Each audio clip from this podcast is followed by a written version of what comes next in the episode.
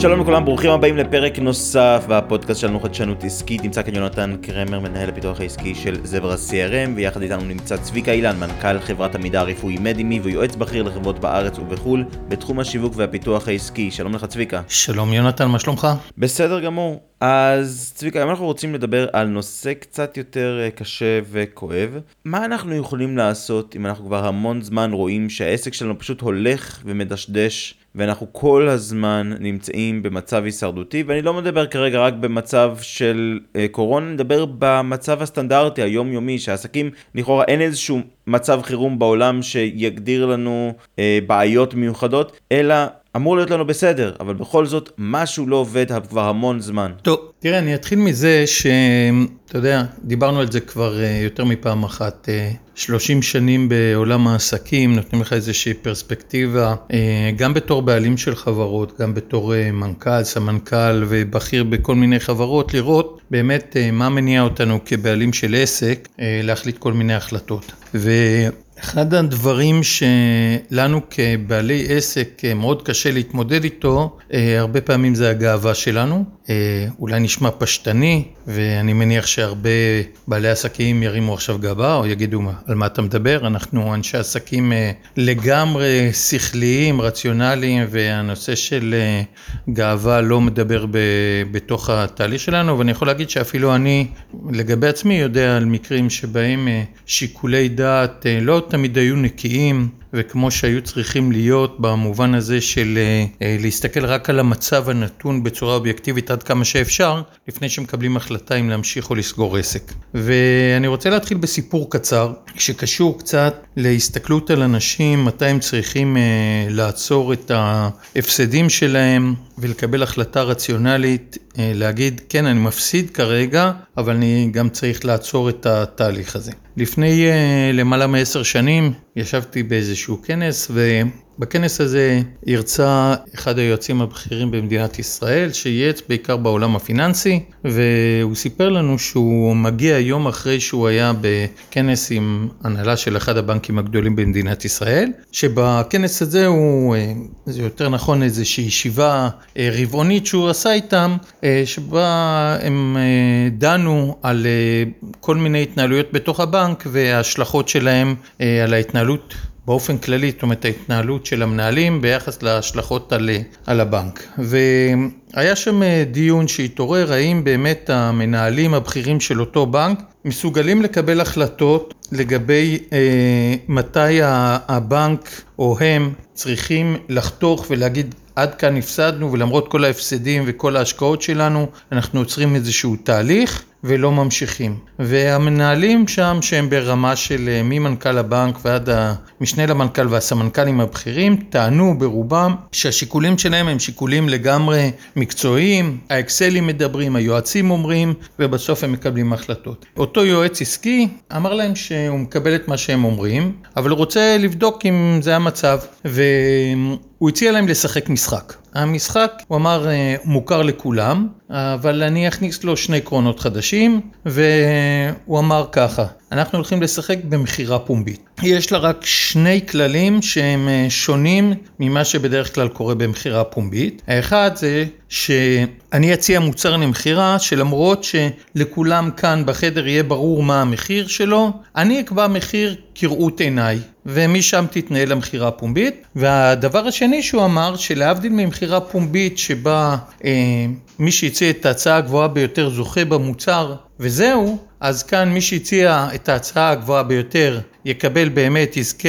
אה, במוצר, אבל גם מי שהגיע שני ישלם את הסכום שהוא נתן לפני שמי שניצח במכירה הפומבית נתן את ההצעה הגבוהה ביותר, רק שהוא ישלם את זה בלי לקבל כלום. כל ההנהלה הסתכלה וחיכתה לראות מה קורה, ואותו יועץ שולף מהכיס שלו שטר של 200 שקלים. אה, והוא אומר, אני רוצה למכור את השטר הזה. טוב, איך מוכרים שטר של 200 שקלים? הוא אומר, אני מתחיל מ-50 שקלים, וכל אחד יכול להעלות ב-50 שקלים את ההצעה שלו. טוב, מרים שם סמנכ"ל אחד את היד ואומר 50 שקלים, וסמנכ"ל אחר מרים את היד ואומר 50, 100 שקלים. ואותו סמנכ"ל ראשון אומר, טוב, אולי אני לא ארוויח אה, אה, 150 שקל, אבל גם 50 שקל נחמד, מרים את היד ואומר 150 שקלים. עכשיו, הסמנכ"ל השני אומר לעצמו ככה, רגע, אם אני עכשיו משאיר ב-100 שקלים, אז uh, בעצם אני הפסדתי 100 שקלים, אני, אם אני אציע 200 שקלים, אז לפחות אני אהיה break even, אני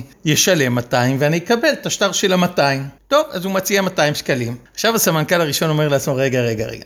אם אני אציע עכשיו 250 שקלים, אז במקום להפסיד 150 שקלים, שזו ההצעה שלי עכשיו, אני אפסיד רק 50 שקלים, כי אני אקבל 200 שקלים חזרה, ואני אשלם אמנם 250, אז הפסדתי רק 50. והסמנכ"ל השני עושה את אותו חשבון, אומר, רגע, אם אני אציע 300 שקלים, אז אני אפסיד רק 100 שקלים ולא 200 שקלים כמו מקודם. בקיצור, מספר אותו יועץ שהאירוע הזה תופס תאוצה, ובקיצור, ב-5,000 שקלים בערך, הוא עצר את האירוע והכריז שהבחור, שהסמנכ"ל שהציע 5,000 שקלים יקבל את ה-200 שקלים, וזה שהציע 4,950 ישלם 4,950. כמובן שכמו שהוא אומר, הכל נתרם שם לארגונים ולא משנה מה, אבל בואו רגע נדבר על מה שאירע שם, בסדר? הרבה פעמים אנחנו בתור מנהלים אה, נכנסים לאיזשהו סחרור, ובסחרור הזה במקום באמת להסתכל על המצב האובייקטיבי ולהגיד חבר'ה, אנחנו מתעסקים כאן בשטר של 200 שקלים, בסדר? זאת אומרת, הוא אף פעם לא יהיה שווה יותר מ-200 שקלים. ואני צריך כרגע לבלוע את הגאווה שלי ולצמצם כרגע למינימום את ההפסד שלי. הרי ברור שאם מישהו מהם היה עוצר בסיטואציה שאחד הציע 200 שקלים והשני הציע 150, מה שהיה נגמר זה שאחד לא הפסיד כסף והשני הפסיד 150 שקלים. נו, סמנכ"ל בבנק בכיר במדינת ישראל, אני מניח שהיה יכול לחיות עם האירוע הזה. אני מניח שהוא גם חי עם ה-5,000 שקלים בסוף, אבל היה יכול לחיות עם האירוע הזה. אבל החשבונות המיותרים שהוא עושה, מביאים אותו לזה שבאיזשהו שלב האבסורד הוא כל כך ברור, אבל אנשים ממשיכים איתו. מה קורה בעולם העסקים? בעולם העסקים הרבה פעמים אנחנו נמצאים במצב שבו אנחנו אומרים, במקום לעצור את ההפסד, אנחנו מנסים לייצר עוד הפסד קטן או עוד השקעה קטנה, כי אנחנו חושבים שעל ידי ההשקעה הזאת אולי אנחנו נצמצם את ההפסד שלנו. ובחלק גדול מהמקרים זה רק מגדיל את ההפסד שלנו. היה לי לפני uh, בערך, uh, אני חושב 20 שנה, יועץ שייעץ לי, כן, גם לי היו יועצים, והוא ישב באחת מהישיבות שלנו עם אבי זיכרונו לברכה, שהיה סמנכ"ל הכספים של החברה שלנו, ואז הוא אמר לנו איזשהו משפט, שהמשפט הזה עד היום הוא אה, משפט שגורם לי הרבה פעמים לעצור ולחשוב על עסקים בצורה קצת אחרת. הוא אמר שעסק שבנוי שאם התזרים שלו או אם המחזור שלו זה 200 אלף שקלים הוא מפסיד 50 אלף שקלים, אם העסק הזה לא ישתנה אלא רק יגדל במחזור אז אם הוא יעשה מחזור של 400 אלף שקלים אז הוא יפסיד 100 אלף שקלים. זאת אומרת לא, זה לא שבגלל שהוא עושה פתאום מחזור יותר גדול אז ההפסד שלו יקטן. והרבה פעמים בתור אה, בעלי עסקים אנחנו לא מסתכלים על הדברים כך. אז אני אגיד שהדבר הראשון שאני רוצה להתייחס אליו זה באמת ראייה מפוקחת של המציאות הכלכלית או המציאות ההשקעתית של העסק.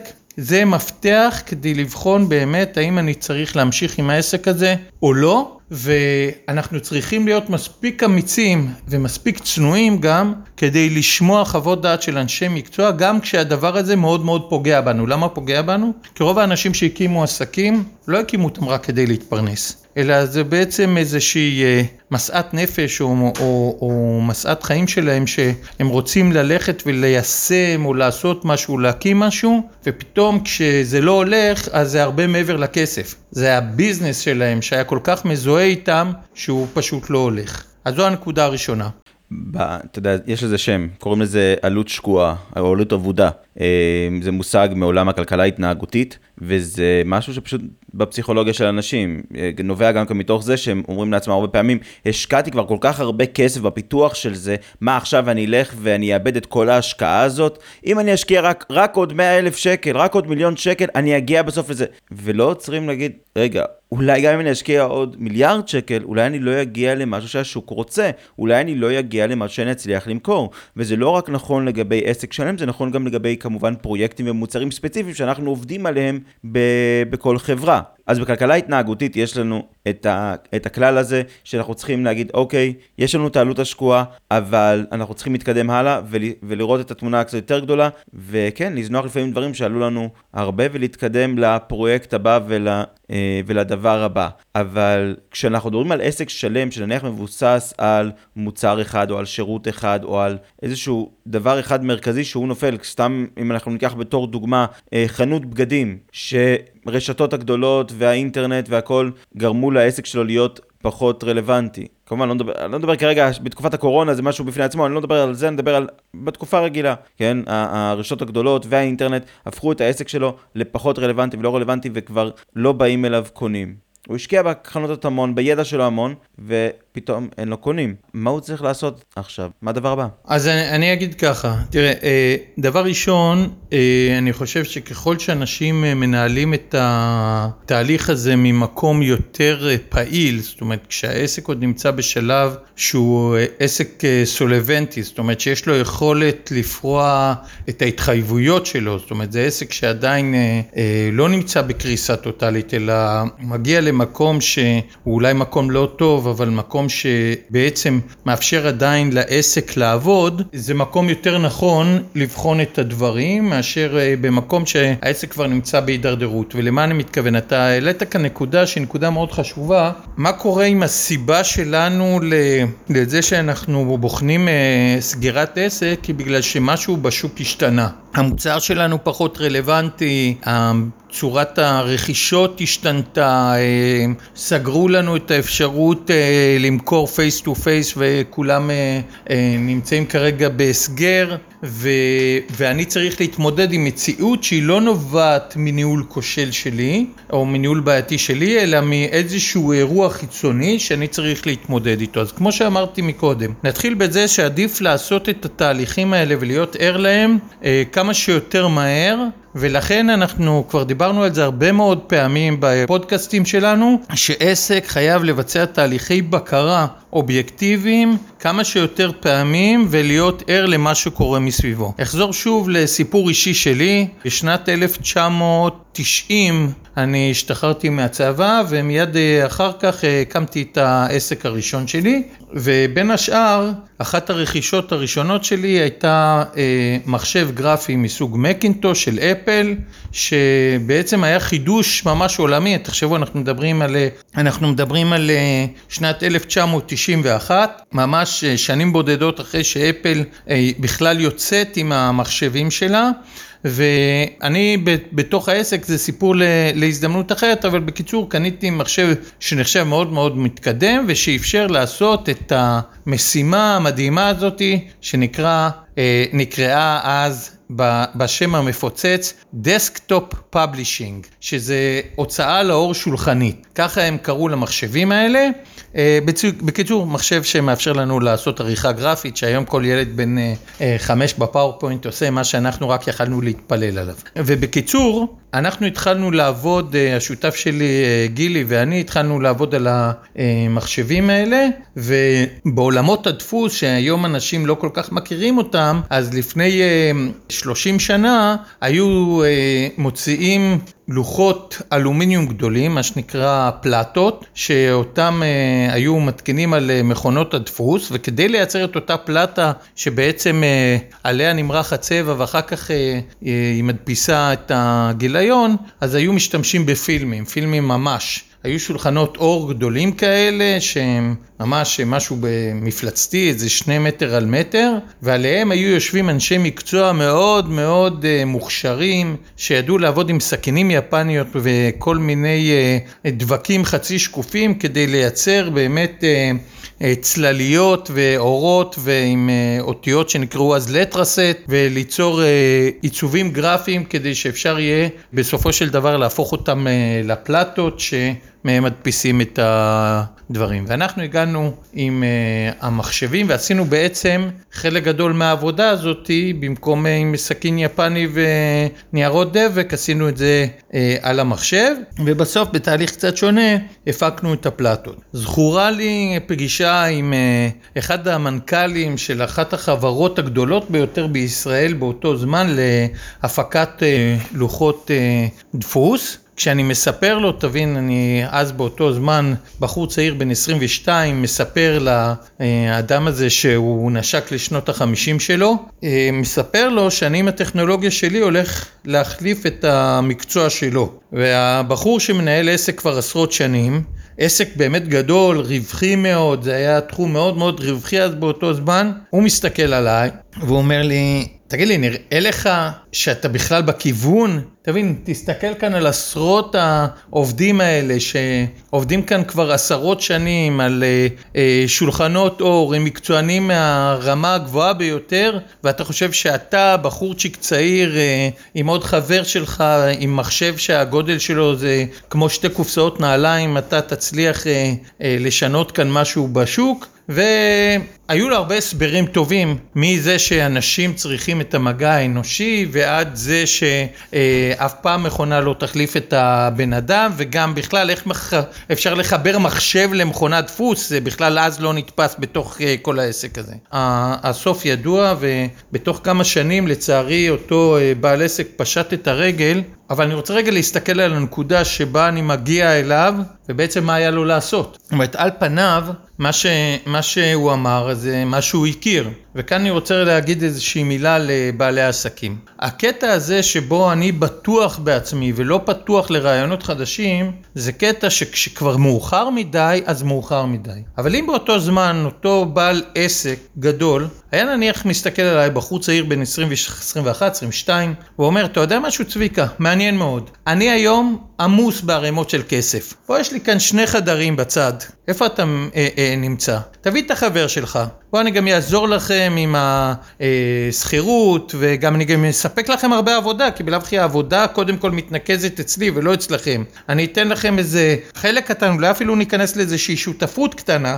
אתם כאן מביאים איזשהו משהו שאני צריך לפחות לבחון אותו. מבחינתו ההשקעה הזאת הייתה מינימלית, כי אנחנו כבר היינו עם הציוד והיינו נלהבים וחבר'ה צעירים שבטח עלו גרושים, אני מסתכל על מה שאנחנו עלינו אז, ובפוטנציאל זה היה מאפשר לו להתחיל להתחכך עם עולם שהוא עולם שונה, שיכול להיות שאם הוא היה רואה אותו ככה, אז uh, בתוך כמה שנים הוא היה פשוט עובר בצורה חלקה, משתמש באותם לקוחות, כי הרי הלקוחות לא השתנו, הטכנולוגיה השתנתה, צורת הפלט השתנתה, אבל לא, הלקוח עצמו לא השתנה, הלקוח היה צריך בעצם את אותו תוצר, ופשוט הוא לא עשה את הפעולה הכי מתבקשת. למה הוא לא עשה את זה? כי הוא היה בטוח בעצמו, כי מה פתאום שהוא יציע לילד בן 22 שותפות אחרי שהוא עבד כל כך הרבה שנים? אה, למה הוא בכלל יאמין לילד בן 22 שאולי מה שהוא אומר אה, זה נכון? וכאן זו העצה שלי לאנשי עסקים. תראו, אנחנו נמצאים בעולם מאוד מאוד פתוח מבחינת uh, מידע, זה כבר לא מה שהיה לפני 30 שנה. המידע נמצא בכל מקום, uh, והרבה פעמים אנחנו פוגשים מידע ואנחנו פשוט לא רוצים לקבל אותו. לא שאנחנו לא מאמינים לו, אנחנו לא רוצים לקבל אותו, אנחנו שומעים, זה קצת כמו אנשים שיש להם uh, uh, תחושה שיש להם איזושהי מחלה, אבל הם לא הולכים לרופא רק כדי לא לשמוע. ואם מישהו מעיר להם על זה, אז הם אומרים, אתה לא יודע מה אתה מדבר, אני בכלל לא שם. ולפעמים כשהם מגיעים כבר לטיפול, אז המצב הוא סופני. ואם הם היו הולכים לפני כן, אז יכול להיות שזה היה קצת כואב, אבל ממש בקלות אפשר היה לטפל באירוע. אז אם אני מסכם את מה שאמרתי כרגע, השלב הראשון, אחרי שאני מבין שאני אה, צריך עוד בשלב שהעסק שלי פעיל, אה, לבדוק את עצמי, זה לראות מה האלטרנטיבות לעסק הקיים שלי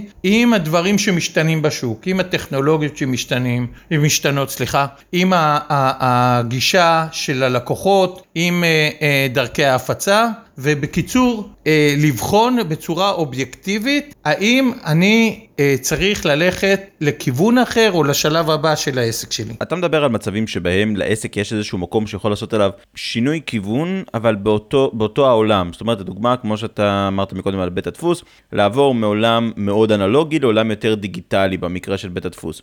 אבל יש מצבים שבהם העסק, העולם שבו הוא היה עד היום, פשוט לא קיים יותר. או שהוא לא קיים יותר, או שהלקוחות כבר לא מעניינים אותם, או שהוא לא יודע לעשות שום דבר שקשור לעולם החדש הזה. יש מה לדבר על פיבוט מוחלט של העסק למשהו שהוא אולי במהות של הבעל העסק ושל העובדים הוא רלוונטי, אבל הוא שונה לחלוטין. לדוגמה, אם בית הדפוס היה עד אז נותן שירותי דפוס, אולי עם השנים הוא צבר אה, ניסיון בגילוף עץ. או משהו בסגנון הזה, ועכשיו הוא יעביר את העסק שלו לעבוד על עץ ולא על דפוס. סתם בתור איזושהי דוגמה, יש יכול, יכול להיות עוד כמובן עוד, עוד הרבה מאוד דברים בסגנון הזה. האם זה משהו שרלוונטי? א', רלוונטי מאוד, והאמירה שלך היא אמירה שחשובה, שחשוב להתעסק ברגע, מפני שכמו שאמרת, קודם תיארתי מצב שעסק פשוט גולש כאילו לשלב האבולוציוני הבא שלו, אבל לפעמים אה, לעסק בתחום שהוא עוסק, אין מה לעשות הלאה. דיברנו על זה, אני חושב, בפודקאסט הקודם, או באחד לפניו, מה קרה לעולם של האנשים שייצרו מצלמות דיגיטליות, שיום אחד פתאום הופיעו סמארטפונים והמצלמות הדיגיטליות נעלמו. אז כאן אני רוצה להעיר הערה אחת קודם כל. א', מה שאמרתי כרגע הוא לא נכון בצורה מוחלטת כי בכל זאת בכל סמארטפון יש מצלמה דיגיטלית. אולי התוצר הזה שנקרא מצלמה דיגיטלית בפני עצמה הוא תוצר שנכחד מהעולם כמעט לגמרי, חוץ ממצלמות ה-SLR המקצועיות, אמ, אבל אם למישהו הייתה טכנולוגיה אה, למחירה, למצלמות דיגיטליות, יכול להיות שהוא פשוט היה צריך לקחת את הטכנולוגיה הזאת ולהשתלב בעולם של אה, מצלמות יותר מעודכנות שנמצאות בתוך סמארטפונים, אבל אני זה רוצה... זה אגב מה שסוני עשו. יפה. סוני, נכון. כמעט כל, אה, האמת שאני לא יודע כיום באופן ספציפי, לא, לא, אתה צודק. מאוד ארוכה, רוב, ה, רוב המצלמות בתוך הסמארטפונים היו סוני. יפה. ו- והעדשות הן של צייז. צייז זו חברה שמי שלא יודע נקראה בעבר צייז איקון. זו חברה שקיימת למעלה מ-100 שנה, אני לא יודע להגיד לך אם זה 150 שנה, אולי יותר, צריך לבדוק את הדבר הזה, אבל בוודאי למעלה מ-100 שנה. הייתה חברת העדשות, אה, עד היום משתמשים בה גם בעדשות למשקפיים, זה חברת עדשות, והיום אם אתה תסתכל על המצלמות הכי הכי הכי בעולמות הסמארטפונים, הם עדשות של צייז. אני מניח שמייסדי צייז, כשהם עשו את העדשות שלהם למשקפות ולמשקפיים, לא חלמו בחלומות הרחוקים ביותר שלהם, שיום אחד יהיו להם עדשות בגודל כזה של איזה, אני לא יודע כמה עדשה היום, היא 4 מילימטר, 3 מילימטר או משהו כזה, שיהיו בסמארטפונים ושהרזולוציה שהם יראו יהיה בערך פי אלף ממה שהיה בעבר במשקפיים שלהם. אגב, צייז התחילו בתור עדשות או שהם התחילו משהו אחר? לפני 100 שנה הרי לא היה... צייז היו, עד כמה שאני יודע, צייז היו אה, עדשות מאז ומתמיד.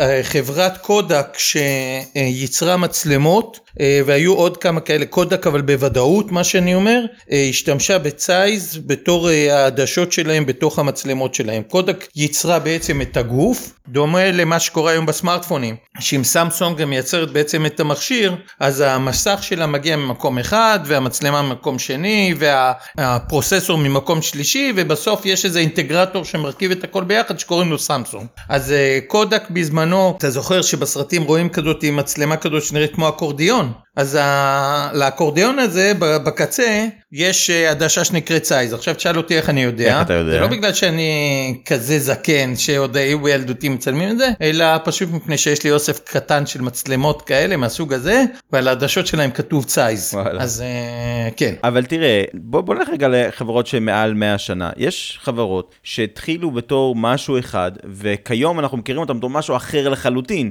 הבאנו כדוגמה את סמסונג בעבר, שהתחילו בתור, אני לא זוכר כרגע מה, והם התחילו בתור משהו אחר לחלוטין, והיום נכון, הם ענקית אלקטרוניקה רחוקה מאוד ממה שהם היו בהתחלה. כנ"ל אה, חברות כמו מוטורולה, כנ"ל הרבה מאוד חברות שהתחילו בתור משהו אחד, וכעבור 100 שנה הן אחרות לגמרי. זה אותה חברה או זה לא אותה חברה? מה... אז אני אגיד לך ככה, ברור שאם הן אחרות לגמרי זה לא אותה חברה, השאלה, אתה יודע, זו שאלה מעניינת, בפילוסופיה של העסקים, אה, השאלה היא האם השלד שנקרא אה, לצורך העניין נוקיה, בסדר? נוקיה ענקית הסמארטפונים ש... באיזשהו שלב פספסה את האירוע הזה שנקרא סמארטפון, כי היא הייתה עם הטלפונים הקטנים ושלטה, אני חושב שהיא הייתה או החברה הגדולה בעולם או השנייה בגודלה בעולם בתחום של אה, אה, טלפונים אה, טיפשים חכמים, עוד עם הלחצנים, והיום נוקיה, עיקר העיסוק שלה זה תשתיות, בסדר? זה אותה נוקיה. עכשיו, נוקיה גם בעבר השתמשה, ב... הייתה בתשתיות. גם לפני כן, גם כשהייתה ענקית בתחום הטלפוניה, נכון, היא עדיין אבל- הייתה ענקית גם בתחום הט- הטלקומוניקציה כן. של התשתיות. אבל היא עדיין היום הרבה יותר מפוקסת והרבה יותר גדולה, מפני שהיא הבינה באיזשהו שלב שהיא קצת פספסה את השלב הזה של להשתדרג ולהתחבר, למרות שהיו לה כל מיני ניסיונות שם אה, באמצע עם מייקרוסופט וככה, לייצר אה, טלפונים אה, חכמים וניסיונות שלא כל כך צלחו בתוך העסק הזה. דרך אגב, ראיתי שדווקא עכשיו מוציאים אה, חזרה את הנוקיות הפשוטות בדגמים חדשים שלהם, אבל זה מעניין מה יקרה עם הדבר הזה. אבל לעצם העניין, יש הרבה מאוד סיפורים על הרבה מאוד חברות, החברה הזאת שכולנו מכירים אותה שנקראת 3M, כן, השלוש ו-M שמייצרת את כל הדבקיות הצהובות ואת כל הבדים הזרחניים האלה שאיתם אנחנו מתעטפים כשאנחנו יוצאים מהרכב וכל הדברים האלה, זה חברה שבמקור שלה היא חברת קריאה של מיניסוטה, זה נקרא מיניסוטה Mining Manufacturers, זאת אומרת זו הייתה חברת כרייה שעם הזמן התקדמה לכל מיני אה, דברים וגם שם עברה מלא מלא מלא גלגולים, היא לא רק התעסקה בתחום הדבקים, זו חברה שמייצרת, אה, חרתה על דגלה את כל נושא החדשנות והפטנטים, אבל אני רוצה רגע לחזור לחברות קטנות ולא לענקיות. החברות הקטנות צריכות הרבה פעמים להגיד לעצמם מה הנכסים הקיימים שלי ולראות האם איתם אני יכול לעשות משהו למרות שהשוק שלי כאילו של המוצר או של השירות שלי נעלם. ואני אתן דוגמה. לצורך העניין נניח שלמישהו היה אה, חברה של אה, לא יודע הובלת מוצרי אה, מזון בקירור בסדר? זה היה העיסוק שלו והיו לו מלא מחסנים ויום אחד מתברר שאני לא יודע מה תנובה משתלטת על השוק הזה אמזון משתלטת על השוק הזה אני לא יודע מה עוד בסדר? זאת אומרת הוא מגלה את עצמו בלי היכולת להתמודד עדיין בתשתית יש לו מחסנים ויש לו משאיות. אז האם זה אומר שהוא צריך לפרוש מהמקצוע או שיכול להיות שהוא עכשיו יבנה לעצמו על התשתיות האלה סוג חדש של אה, שירותים כמו למשל אחסנה לטווחים קצרים לבעלי דירות או לבעלי משרדים שצריכים לעבור אה, אה, ממקום למקום אה, בזריזות וצריכים איזשהו מקום אחסנה ביניים ואין להם והוא יגיד אוקיי עכשיו אני אקח את כל המחסנים הגדולים שלי אני אחלק את זה למין קוביות ויש לי כבר נהגי משאיות בכל הארץ אז אני בסדר אז אני לא אפעיל את הקירור בתוך המשאיות אבל המשאיות כבר נמצאות ואני פרוץ ויש לי שירות לקוחות ויש לי יכולת גבייה ויש לי אלף ואחד דברים אולי אני אפילו ייצר מוצר חדש שאומר אני עושה אחסון לפי יום כי אין לי בעיה להמשיך להשתמש במשאיות שלי. כמו שמקודם הובלתי ארגזי חלב ממקום למקום אז לכם אני אתן פריקה וטעינה של uh, עד גודל מסוים uh, כן זה יכול לקרות. וצריך לזכור שבעלי עסקים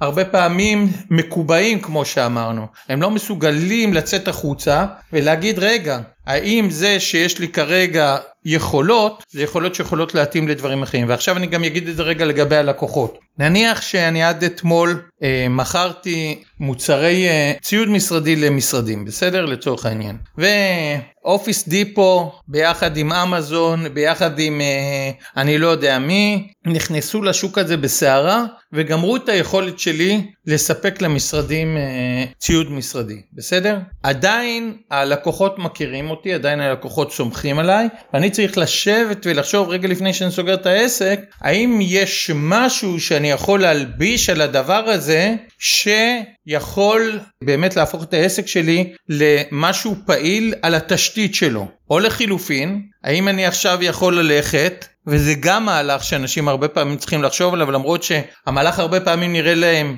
לא הגיוני, לא נתפס, בלתי ניתן למימוש ולגשת לחברה כמו אופיס דיפו ולהגיד חבר'ה בואו תשתמשו בי. בסדר? אתם צודקים אתם אופיס דיפו אני מוריד אני לא אמכור אבל למה לכם להקים מערך שלכם כשאני כבר נמצא בשטח כשאני יכול לתת לכם את השירותים האלה? אז הרבה פעמים בעלי עסקים אומרים לי למה שהם יקשיבו לי? ואני אומר להם שני דברים. דבר ראשון את הלא כבר יש לכם מה אכפת לכם לנסות? בסדר? זאת אומרת זה שהם לא יקשיבו לכם זה כבר קיים. מקסימום תראו מה זה הגאווה שלכם אבל הדבר השני זה עכשיו בצד העסקי יותר נושא של לוגיסטיקה הובלות וכל התחום הזה סתם לוקח את זה בתור דוגמה זה כבר התמחות. ולפעמים גוף שרוצה לגדול יעדיף לעשות את זה או בשיתוף פעולה או בבעלות או ב outsourcing לגוף שמתמחה במיוחד אם הגוף הזה נותן לו בלעדיות בתחום. ואז יכול להיות שחברת Office Depot תגיד תקשיב באקסלים שלנו תכננו כרגע לרכוש 20 משאיות להקים מרכז לוגיסטי באיזשהו מקום וככה ואם אתה תגיש להם הצעה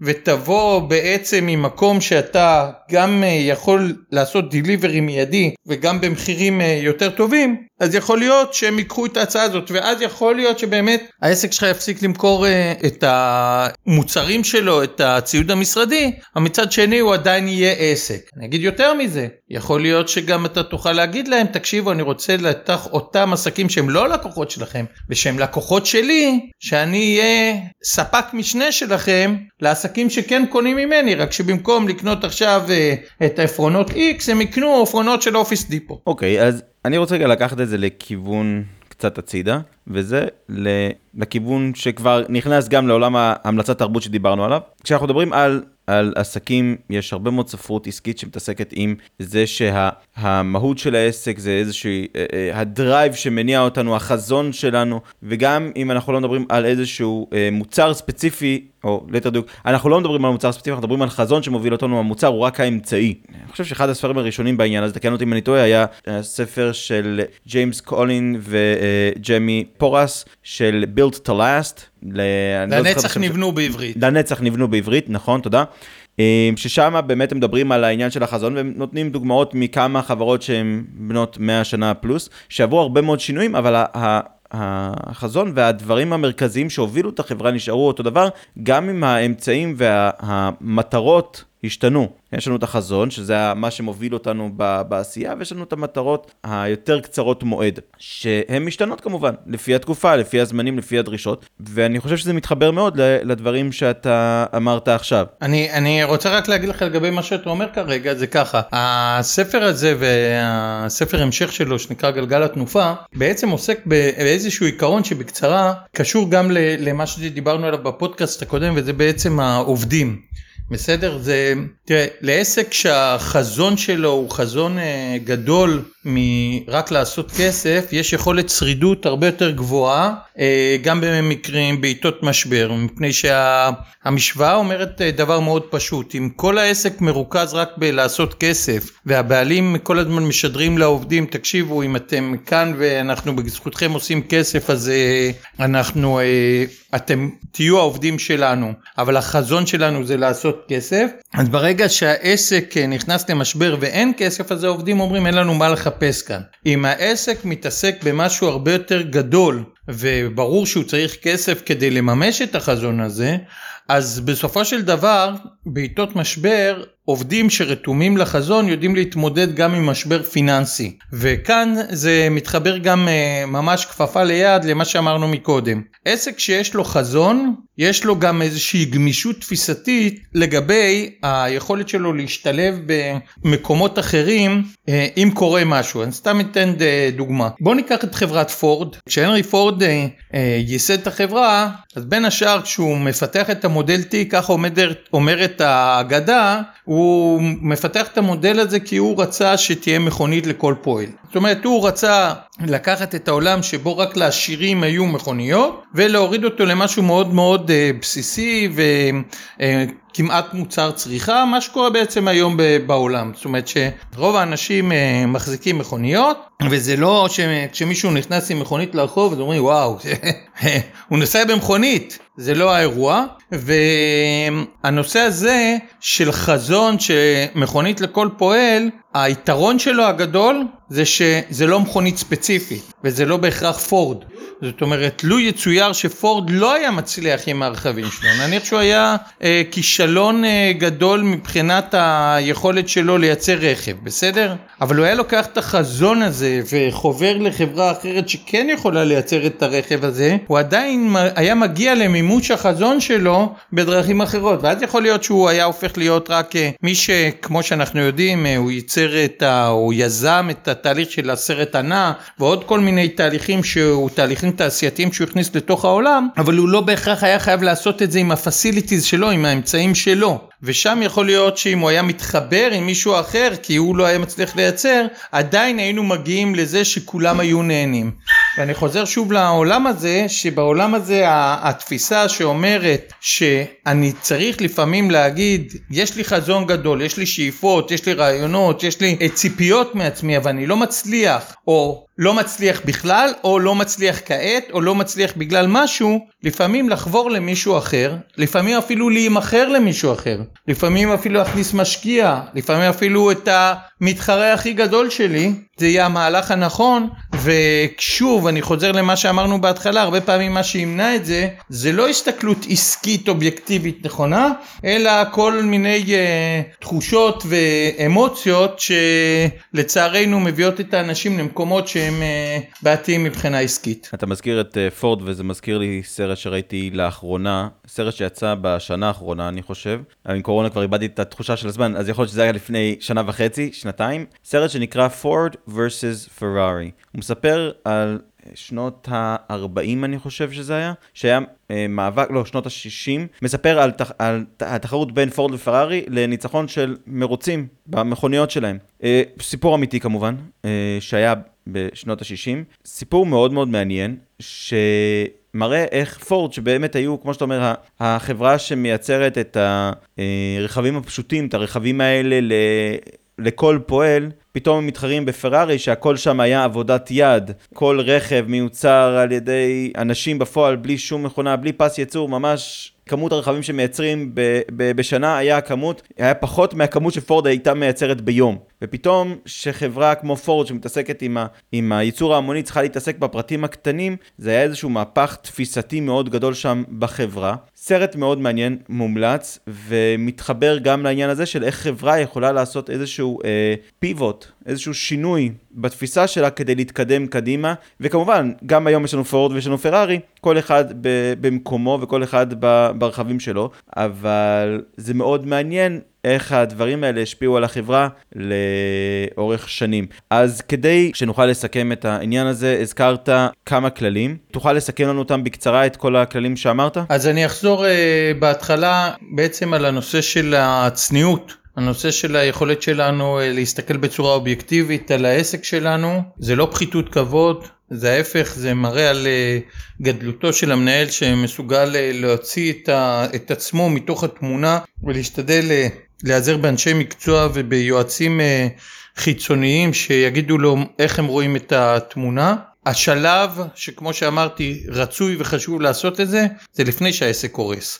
עוד בשלב שעסק מסוגל לעשות את התפנית ואפילו להשקיע מזכיר את אותו בעל אה, מערכת אה, לייצור אה, פלטות לדפוס שיכל להגיד לי באותו שלב תקשיב אני עוד עדיין כל כך עשיר בוא אני אקנה אותך אכניס אותך בתור שותף לא משנה מה ואני הייתי אז הקטן והצעיר ויכול להיות שהוא היה עושה את עסקת חייו יכול להיות שגם אני הייתי עושה את עסקת חיי אני לא יודע אבל הוא לא עשה את זה ואתה יודע אנחנו אה, לא יכולים אה, להגיד מה היה אילו אבל זה היה יכול להיות מהלך חכם מבחינתו כי הוא היה עושה את זה ממקום חזק. אחר כך הצורך שלנו או היכולת שלנו באמת להסתכל על העסק שלנו על מרכיביו. זאת אומרת לראות האם אנחנו יכולים עדיין להמשיך אה, לספק שירות או מוצר למרות שמשהו השתנה בשוק למרות שהמוצר שלנו פחות רלוונטי כמו שדיברנו בעצם על המצלמות שאולי אני לא יכול למכור מצלמות כמצלמות דיגיטליות אבל אני בהחלט יכול להשתלב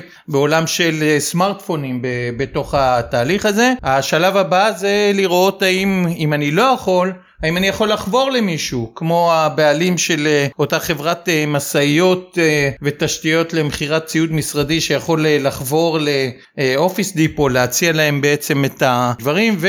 אה, לסיכום אה, באמת אה, לראות האם אנחנו מסוגלים אם אנחנו לא מסוגלים לעשות את התהליך הזה האם אנחנו יכולים להכניס משקיע גדול שהוא משקיע אסטרטגי או להימכר למישהו מפני שכשהעסק כבר לא יהיה שווה כלום אז בלאו הכי לא נרוויח כלום. ולכן אלה התהליכים שצריך לעשות וכל הזמן לפקוח עיניים ולראות לפעמים אנחנו יכולים לבצע את הרכישות עוד בשלב הנכון או אנחנו יכולים להכניס את השיפורים ולפעמים שקצת מאוחר מדי מורידים קצת את הראש והולכים אפילו אל המתחרים הגדולים העיקר שאנחנו נמצה את המקסימום שאנחנו יכולים מהעסק שאנחנו אה, בנינו בעשר אצבעותינו. במילים אחרות, גם אם אנחנו סוגרים את העסק, לפחות שנרוויח אה, קצת כסף גם מהמכירה של העסק, כי בכל זאת יש איזה שווי וערך מסוים. נכון, לפעמים דרך אגב אה, אפשר פשוט להישאר עם משכורת טובה, זה גם בסדר. כן, למרות שכמו שאני מכיר יזמים, לפעמים קשה להם, גם אם כשמציעים להם עסקה טובה,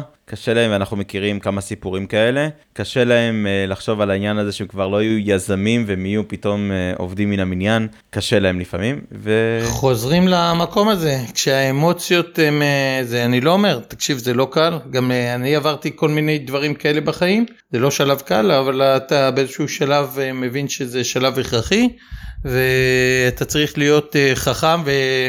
ולא uh, גאה בדברים האלה. לגמרי, טוב, זה היה נושא אולי לא הכי משמח שיש, אבל הוא נושא מאוד חשוב וקריטי, בוודאי בימים כאלה כשאנחנו נמצאים בזמנים של חוסר ודאות.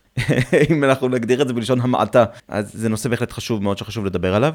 אני מזכיר שהמלצת תרבות שלנו להיום זה הספר של ג'יימס uh, קולין וברק לשם של, הש, של השני, Built to Last, בעברית לנצח נבנו. אני אומר לכם מראש, אי אפשר למצוא אותו בחנויות הספרים, אני לא הצלחתי למצוא, אולי תנסו בספריות. בחנויות של ספרים משומשים דרך אגב. אה, אוקיי. אז בחנויות של ספרים משומשים אפשר למצוא. אם אתם קוראים אנגלית אז אפשר גם למצוא כל מיני דרכים אחרות, אפשר למצוא באמזון את הספר האלקטרוני, אפשר גם את האודיובוק באמזון, וככה אתם יכולים לצרוך את המידע הזה, אבל רק אם אתם יודעים לקרוא אנגלית, עוד סיבה לדעת אנגלית. אז עד כאן להיום. אם אתם רוצים לתת לנו קצת פידבק על הפודקאסט, אנחנו תמיד צריכים לשמוע פידבקים, אנחנו תמיד צריכים לשמוע מכם, אפשר uh, למצוא אותי בכתובת המייל יונתן שטרודל זברה crm.com, במספר הטלפון 0542-690-897,